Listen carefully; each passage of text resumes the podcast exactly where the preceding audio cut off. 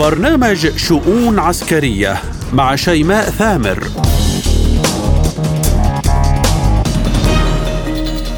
ملفات عسكرية وشؤون جديدة من وكالة سبوتنيك الإخبارية بموسكو.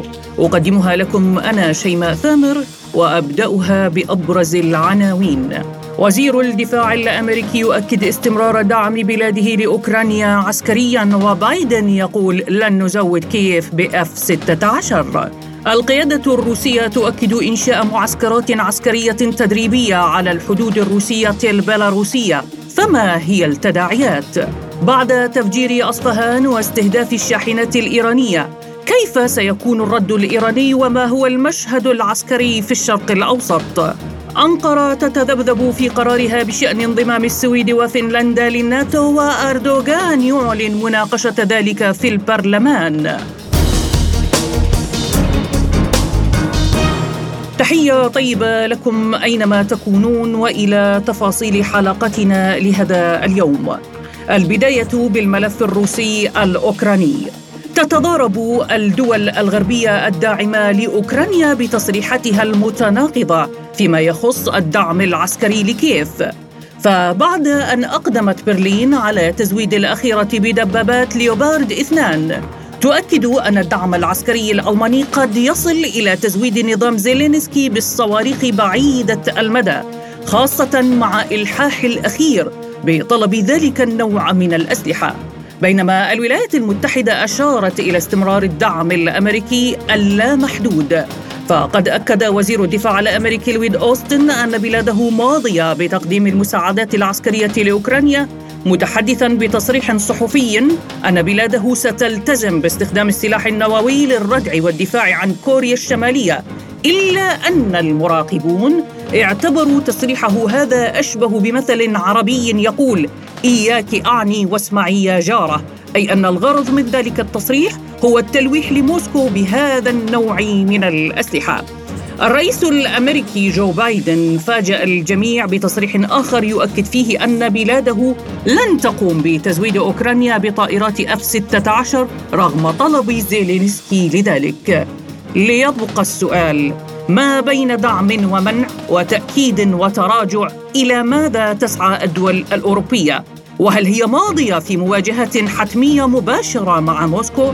على الجانب الآخر أكدت الدفاع البيلاروسية أن مينسك وموسكو توصلتا إلى بناء تجمع إقليمي لقواتهما على أراضي بيلاروسيا مشيرة إلى أن العملية تجري على مراحل وأشار البيان أنه وكجزء من ضمان الأمن العسكري لكل من روسيا وبيلاروسيا يتم بناء تجمع إقليمي للقوات الروسية والبيلاروسية وأن ذلك يجري على مراحل في ظل الأوضاع الراهنة كيف سيكون المشهد العسكري في ظل تكثيف المساعدات العسكرية لكييف؟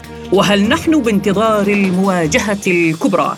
للحديث عن هذا الملف استقبل معي من بيروت الخبير العسكري والاستراتيجي العميد الدكتور أمين حطيط.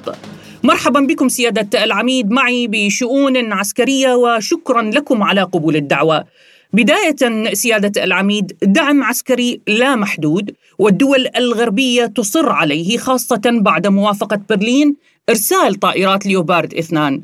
اليوم نظام كييف يطالب بطائرات اف 16 وصواريخ هجومية، برأيكم سيادة العميد هل ستوافق الدول الغربية على هكذا طلب وتكون مستعدة لمواجهة مباشرة مع موسكو؟ تتصرف الدول الأوروبية الغربية وفقا لاستراتيجية وضعتها موسكو في مواجهة وضعتها أمريكا في مواجهة موسكو، وهذه الاستراتيجية تقوم على عناصر ثلاثة العنصر الأول قياد روسيا إلى حرب استنزاف تؤدي بتدمير قدراتها الذاتية وتدفعها نحو التفكك. المسألة الثانية استعمال أوروبا في المواجهة بشكل تفقدها القدرة على الرفض وعلى التململ وتجعل أمريكا مسيطرة على القرار الأوروبي بشكل كامل ومتقن ومحكم.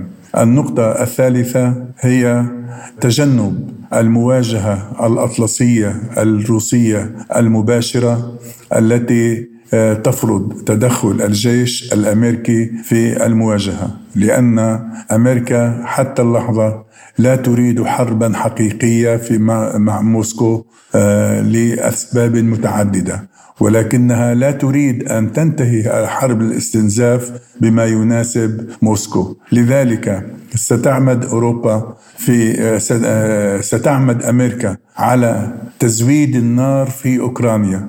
بالوقود الأوروبي اللازم لمنعها من الانطفاء وتبقى تحت سيطرتها لمنعها من الانفجار العالمي الشامل. وعلى هذا الأساس نحن نقول أن أوروبا تتصرف وفقا للإرادة الأمريكية من غير أن يكون لها قدرة المناقشة وقدرة الرفض أو القبول. هي مستسلمة للإرادة الأمريكية وهي ستكون مستعدة لتلبية الطلبات الأمريكية حتى ولو اقتضى ذلك إمدادها بكل ما ينبغي من سلاح وذخيرة. أما بالنسبة لمواجهة مباشرة بين أوروبا وموسكو فأعتقد أنها ليست في جدول أعمال الأمريكيين حاليا. أقله في المدى المنظور. طيب سيادة العميد موسكو عازمة على استهداف الأسلحة الغربية في حال وصولها إلى أوكرانيا والتصعيد بين الجانبين مستمر. هل تعتقد أن الدول الأوروبية والدول بشكل عام فيما يخص هذا الملف فشلت أمام الحلول الدبلوماسية أم أننا بانتظار الحرب العالمية الثالثة خاصة أن واشنطن تستعد لمناورات عسكرية تستخدم فيها السلاح النووي بحسب وزير الدفاع الويد أوستن. أمريكا تراقب الوضع في أوكرانيا بدقة وعلى مدار الساعة، وهي تريد لهذه المواجهة العسكرية في أوكرانيا أن تبقى محصورة تحت سقف معين هو سقف حرب استنزاف روسية، ولذلك ستعمل على تز تزويد هذه الحرب بكل الوقود اللازم. لكن في الوقت نفسه أمريكا تخشى من قرارات روسية متقدمة من آه، في المواجهة خاصة إذا شعرت روسيا بأنها انزلقت إلى حرب استنزاف آه، لا نهاية لها وأن هذه الحرب الاستنزاف آه، التي ترفضها بحاجة إلى عمل نوعي يكسر نمطها أو يمنع يمنع حدوثها وهذا العمل النوعي قد يكون اللجوء إلى الأسلحة النووية أقله التكتيكية. فبالتالي أمريكا آه، تضع في آه، حسابها مثل هذا الاحتمال. ولذلك تجهز نفسها أيضا للمواجهة الدفاعية نوويا. من أجل ذلك آه، بدأت تلوح أو تسرب على الأقل في الإعلام بأنها تجري المناورات العسكرية التي يستخدم فيها السلاح النووي ليشكل لتشكل هذه التسريبات رسالة لروسيا بأن أمريكا جاهزة لاحتمال توسيع الحرب حتى ولو آه، ذهب الأمر بالأطراف إلى السلاح النووي. أما الحرب العالمية الثالثة فأعتقد أننا على أبوابها. ولكن في صيغة جديدة قد تكون باستعمال آه، الجيوش الجرارة التي تذكر بالمواجهات والمعارك العسكرية الكبرى التي دارت في الحرب العالمية الثانية. إنما هي حرب دولية كونية من نمط جديد تشارك فيها آه، أكثر من دولة وأكثر من منطقة وأكثر من محيط. وحتى هذه اللحظة تبقى تحت السيطرة دون انفجار كوني شامل. كامل أنتقل بكم سيادة العميد إلى سؤالي الأخير، اليوم القيادة الروسية وقعت مرسوما بشأن معسكرات تدريبية عسكرية على الحدود مع بيلاروسيا، كيف تقرأ تداعيات تلك الخطوة؟ ولو بكلمات موجزة سيادة العميد. القرار الروسي بإنشاء معسكرات تدريبية على الحدود الروسية برأينا في هذه الفترة في هذه الفترة قرار حكيم لأن فيه منافع أو مكاسب ثلاثة. المكسب الأول أو المنفعة الأولى هو إرسال رسالة وميدانية واضحة للخصوم والأعداء بأن روسيا جاهزة لأي احتمال وأنها تعد العدة لكل خطط الغرب بما في ذلك حرب الاستنزاف لأن حرب الاستنزاف يلزمها القوة. المسألة الثانية للداخل الروسي بأن المخاطر تتهدده وبأن عليه أن آه، يستعد لمواجهة تلك المخاطر بالشكل الذي آه، ينبغي الاستعداد له. المسألة الثالثة بالنسبة آه، للمتدربين ذاتيا بأنفسهم بأشخاصهم. هؤلاء عندما يشعرون أنهم على مقربة من الحدود ومواطن الخطر فإن جديتهم في التعامل مع التدريب تختلف وتكون أرقى من ذلك. ولذلك نحن ننظر إلى أن الخطوة الروسية لها تداعيات إيجابية للمصلحة الروسية وسينظر إليها بعين الجدية المطلقة من قبل الأعداء ومن قبل أيضا آه، تحفيز أكثر للشعب في الاتحاد الروسي. لمواجهة الأخطار المقبلة وبالتالي يعني بكل بساطة أن روسيا التي أطلقت عمليتها الخاصة هي مستعدة لخدمة هذه العملية بكل ما تتطلبه في الميدان أو في السياسة أو في الاقتصاد أو في الاستراتيجية. الخبير العسكري والاستراتيجي العميد أمين حطيط كنت معي ضيفا كريما بشؤون عسكرية شكرا لكم وحياكم الله. وإلى ملف عسكري آخر. قد يكون هو ثاني أهم الملفات بعد الملف الروسي الأوكراني عالميا. الحديث عن الملف الإيراني وتل أبيب. فبعد تعرض أحد مخازن الأسلحة في مدينة أصفهان الإيرانية لهجوم بطائرات مسيرة ثم استهداف شاحنات إيرانية على الحدود العراقية السورية وتحديدا في منطقة البوكمال. وبتتابع الأحداث أشارت أولى التصريحات الأمريكية إلى براءة واشنطن من هذا الهجوم كبراءة الذئب من دم يوسف بحسب واشنطن طبعاً. وباعتراف من مصادر عسكرية إسرائيلية فأن الموساد الإسرائيلي ضالع بهذا الهجوم. المراقبون يرون أن الطائرات المسيرة انطلقت من داخل إيران في إشارة إلى وجود أصابع متواطئة مع تل أبيب في هذا الهجوم. يرى مراقبون للمشهد الإيراني أن طهران بالتأكيد لن تقف مكتوفة الأيدي أمام هذا الاستهداف الخارق للأمن الإيراني وأن إيران قد توجه ضربة موجعة إلى تل أبيب أو مصالحها في المنطقة. ليبقى السؤال كيف سيكون رد طهران؟ وهل سيقف حلفاء إيران في الشرق الأوسط مكتوفي الأيدي أمام استهداف في إيران؟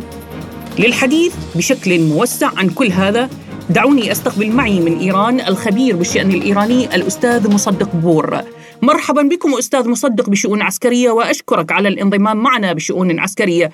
أبدأ معكم أستاذ مصدق من الهجوم على أصفهان، هذا الهجوم وسط نفي أمريكا وبالمشاركة فيه وتسريبات عسكرية أن الموساد هو من قام به. وهناك أيضا استهدافات للشاحنات الإيرانية على الحدود السورية العراقية كمراقب للمشهد الإيراني وخبير كيف تقرأ هذه الاستهدافات على إيران؟ وهل فشلت مفاوضات الملف النووي الإيراني؟ قبل كل شيء يجب أن نعرف هذا الاستهداف في مدينة اصفهان لم يكن الأول من نوعه. يعني كانت هناك استهدافات يعني محاكية لهذا الاستهداف وتكاد أن تكون يعني بطريقة واحدة.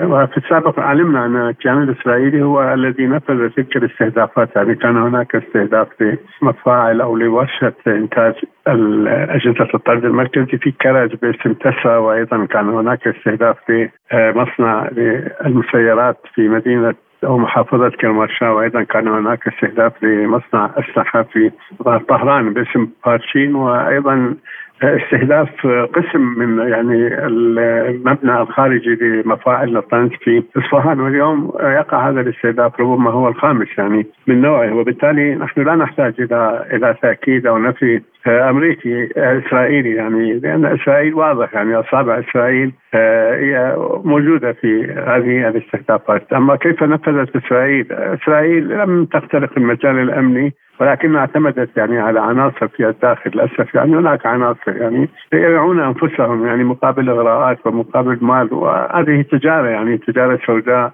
والتجارة الخيانيه موجودة في الكثير من الدول وبالتالي هم أيضا يستفيدون من بعض العناصر وهناك مجاهدي خلق المنافقين أيضا يتعاونون معهم وبالتالي يعني آه، المحور أو المثلث العبري الغربي آه، العربي الرجعي هو يعني كان يهدد آه، كثيرا يعني منذ أشهر ويتوعدون إيران ويهددونها بشن هجوم عليها وبالتالي لاحظنا هذا الجبل تمخض فائر يعني كل ما حصل ونتاج كل هذه الجهود وكل هذه الدعاية وكل هذه الإعلام وكل هذه الميزانيات الطائلة التي صرفت ارسال ثلاث طائرات من داخل إصفهان وهي لم تتمكن من أن تحقق أي هدف. ربما ألحقت بعض الأذى وهي فشلت يعني كانت هناك ثلاث مسيرات. تم اصطياد إحداها يعني من قبل الدفاعات الخاصه بحماية الهدف أو الورشة والمصنع المستهدف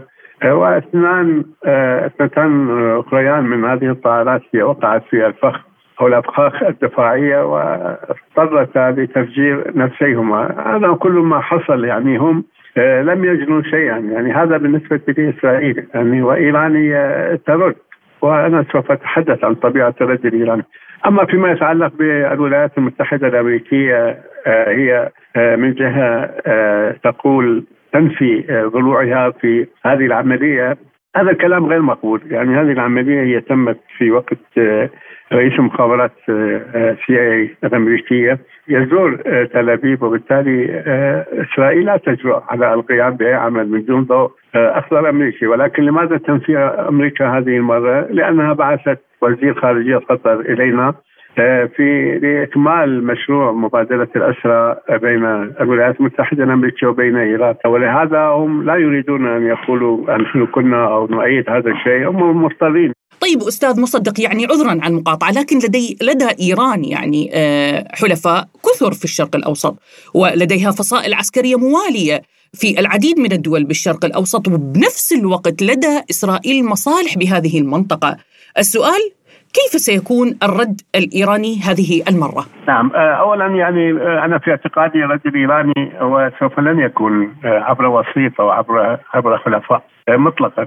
وإن كانت هي قادرة على ذلك. أنا لا أعتقد يعني أنا سمعت توا يعني من مسؤولين إيرانيين. باعتبار أن إسرائيل أخذت تخطط كثيرا وهي تظهر نفسها وبانها هي قوة كبيرة وتريد أن تدعم مشروعها التطبيعي في هذه المنطقة. وبالتالي إيران هي مستعدة. يعني أنا شخصيا أتوقع أن يكون هناك رد مباشر. من طهران على تل أبيب. رد مباشر يعني رد إيراني بحت. وإيران لا تستعين حاليا بحلفائها وهي لا تحتاج. يعني إلى الحلفاء عندما الولايات المتحدة الأمريكية اغتالت الشهيد سليماني في حادثة آه، وقعت مطار بغداد ايران لم تستعين آه، ابدا يعني لا بالحشد الشعبي ولا بأي قوة مناصرة وصديقه لها هي تولت ذلك وأطلقت الصواريخ. وأيضا آه، في سوريا إيران آه، عندما ارتكبت ارتكبت مجاميع داعش يعني في داخل طهران عملية في البلمان وفي مناطق أخرى في العتبات المقدسة في إيران. أيضا إيران لم تطلب من الحشد الشعبي أن يردوا وهي ردت من من من قاعدتها في كرماشا بصواريخ عابره باليستيه ضربت أهداف آه، وقادة داعش في داخل العمق آه، السوري يعني في منطقة آه، البوكمال وبالتالي هذه المرة أيضا إيران سوف توجه الضربة مباشرة. ولكن أنا أعتقد في المجموع إيران حتى لو لم ترد هي رادة. يعني حتى لو لم ترد هي كانت قد ردت. لأن أفضل رد أنا أعتقد آه، لدى إيران هو استمرار دعم آه، المقاومة، دعم الشباب الفلسطيني في داخل الأراضي المحتلة خاصة في القدس آه، خاصة في الأراضي المحتلة في 48 وخاصة في الضفة الغربية. نحن نذكر قبل عامين السيد الخامنئي قائد الثورة الإسلامية الإيرانية طلبت بتسليح الضفة الغربية كحل لوضع نهاية لجرائم الإسرائيليين. وبالتالي هذا الحلم تحقق.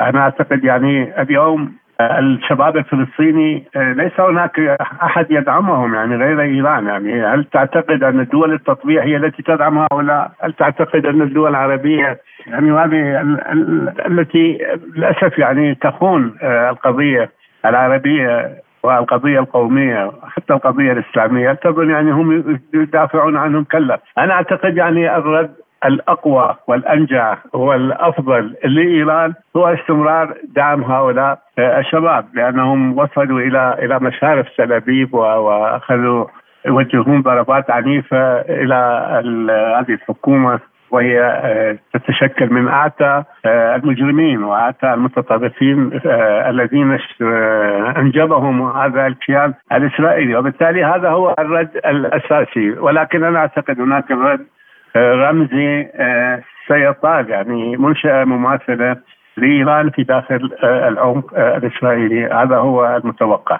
أستاذ مصدق دعني أختتم معك بسؤال فيما يخص مسألة تسمية الولايات المتحدة للحرس الثوري الإيراني بمنظمة إرهابية ووسط الرغبة الإسرائيلية بتوجيه ضربة إلى إيران. كيف ستتعامل طهران مع هذين الملفين آه، أستاذ مصدق؟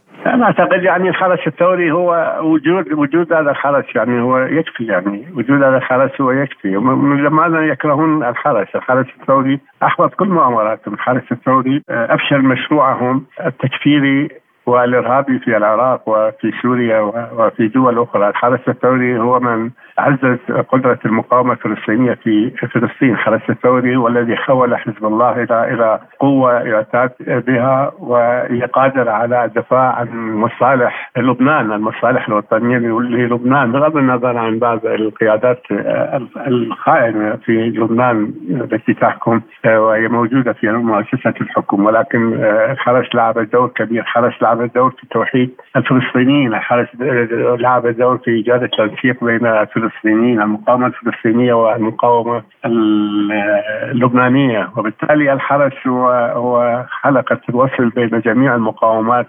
الموجودة. الحرس أسس لرقعة كبيرة من المقاومة في هذه المنطقة. هذا شيء طبيعي هم يكرهون الحرس. يعني لولا الحرس يعني لكان بإمكانهم أن ينفذوا كثير من مؤامراتهم. الحرس اليوم هو هو الذي آه، يحمي إيران ويحمي هذه الثورة ويحمي هذا النظام وهم يعتقدون أن هذا الحرس هو جبل كبير أمامهم ولا بد من ازاحته، هذه تسميات آه، أساسا لا تغني ولا تشبه من جوع وهم غير قادرين، أنا لا أعتقد آه، هناك قدرة لدى الجانب الأوروبي أن ينفذ هذا الشيء، اولا هو يحتاج يعني الموضوع ليس موضوع آه، موضوع حقوقي يعني موضوع قانوني، يعني يكفي أن تعارض دولة أوروبية واحدة هذا القانون الذي قرره البرلمان البرلمان الأوروبي سوف لن يبصر النور من قبل آه، مجلس الاتحاد الأوروبي. وبالتالي هذا المشروع فاشل. يعني إيران تعتقد هذا المشروع مشروع فاشل. ونحن لاحظنا اليوم هم جربوا الفتنة الداخلية تحولوا على الفتنه في داخل إيران عولوا على بعض عناصر وأدوات الضغط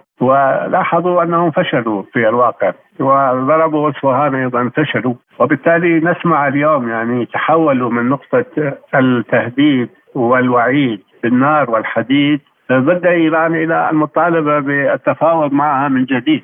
يعني هذه معادله المعادلة الجديدة التي نراها. يقولون نحن نريد أن نتفاوض مع إيران. وأنا أعتقد إيران لا تتراجع عن شروطها في هذه المفاوضات ولن تركع لهم ولن تعمل ب... ولن تفسر الشروط التي يريدون فرضها عليها. وبالتالي هذه المفاوضات آه، رهن آه، رهنهم يعني. ما آه، يتخذون من إجراءات يعني. يقصد الجانب الغربي والأمريكي إذا أراد أن يعود إلى المنطق ويتعامل مع إيران بعدالة وباحترام سوف توافق. ولكن إذا ارادوا أن يستمروا هذا ليس من صالحهم الخبير بالشأن الإيراني الأستاذ مصدق بور كنت معي ضيفا كريما بشؤون عسكرية. شكرا لكم وحياكم الله. وإلى أنقرة التي تتأرجح ويتأرجح رأيها بين موافقة ورفض لانضمام كل من فنلندا والسويد لحلف شمال الأطلسي الناتو.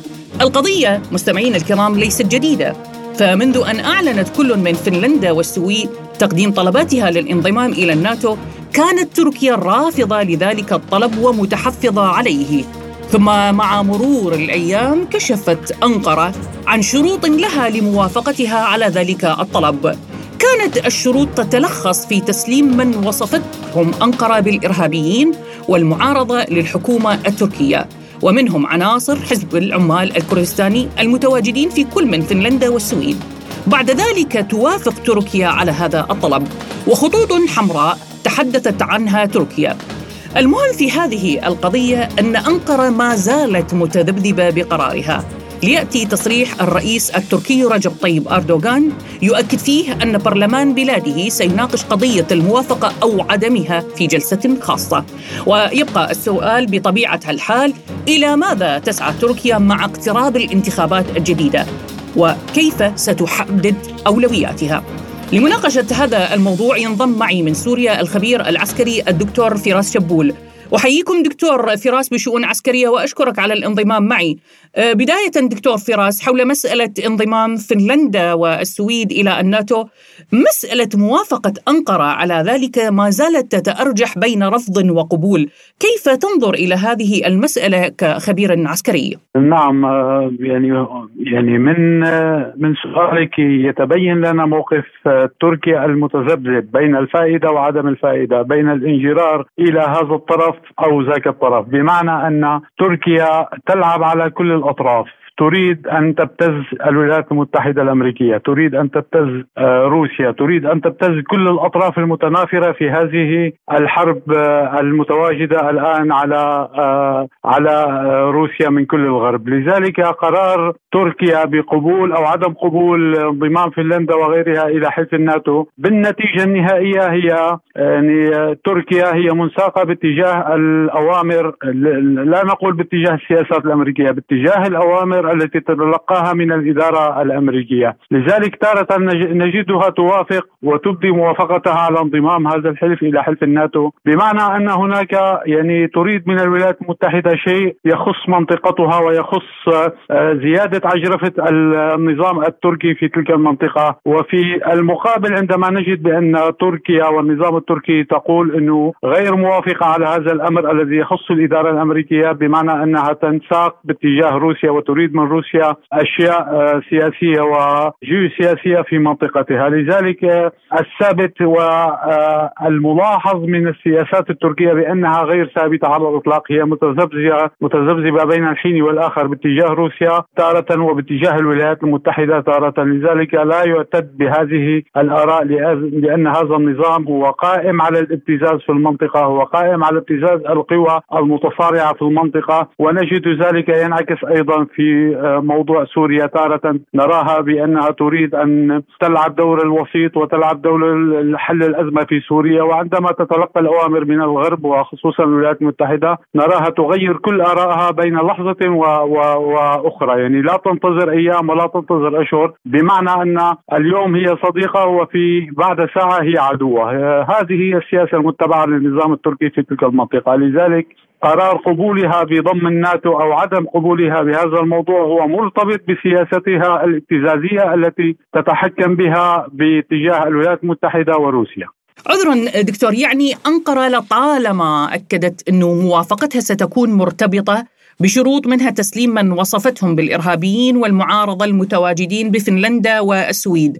هل ستقبل أنقرة انضمام هاتين الدولتين إلى الناتو على حساب علاقتها القوية والعميقة مع موسكو؟ نعم أقول لك بكل وضوح بأن الموضوع قولا واحدا. يعني رغم أنها الخط المتقدم لحلف الناتو بوجود قاعدة انجرليك في تركيا والقاعدة الأكبر في منطقة الشرق الأوسط ورغمها أنها المحارب الأول ب واليد اليمنى للولايات المتحدة وحلف الناتو في هذا الموضوع. ولكن هذا موضوع يعني حتى الشروط المطلقة من قبل النظام التركي في هذا الاتجاه بتسليم الإرهابيين وغير الإرهابيين أقول لك بكل وضوح وكل صراحة. إذا أتت الأوامر الولايات المتحدة بأن تقبل ستقبل. نعم الخبير العسكري الدكتور فراس شبول كنت معنا ضيفا كريما بشؤون عسكرية. شكرا لكم وحياكم الله. إلى هنا أصل وإياكم مستمعينا الكرام إلى ختام هذه الحلقة. رافقتكم فيها من وراء الميكروفون محدثتكم شيماء ثامر. شكرنا موصول لضيوفنا بهذه الحلقة كل من الخبير العسكري والاستراتيجي العميد الدكتور أمين إحطيط والخبير بالشأن الإيراني الأستاذ مصدق بور والخبير العسكري الدكتور فراس شبول. للمزيد زوروا موقعنا الإلكتروني arabicsputnik.ie دمتم بأمان الله وحفظه.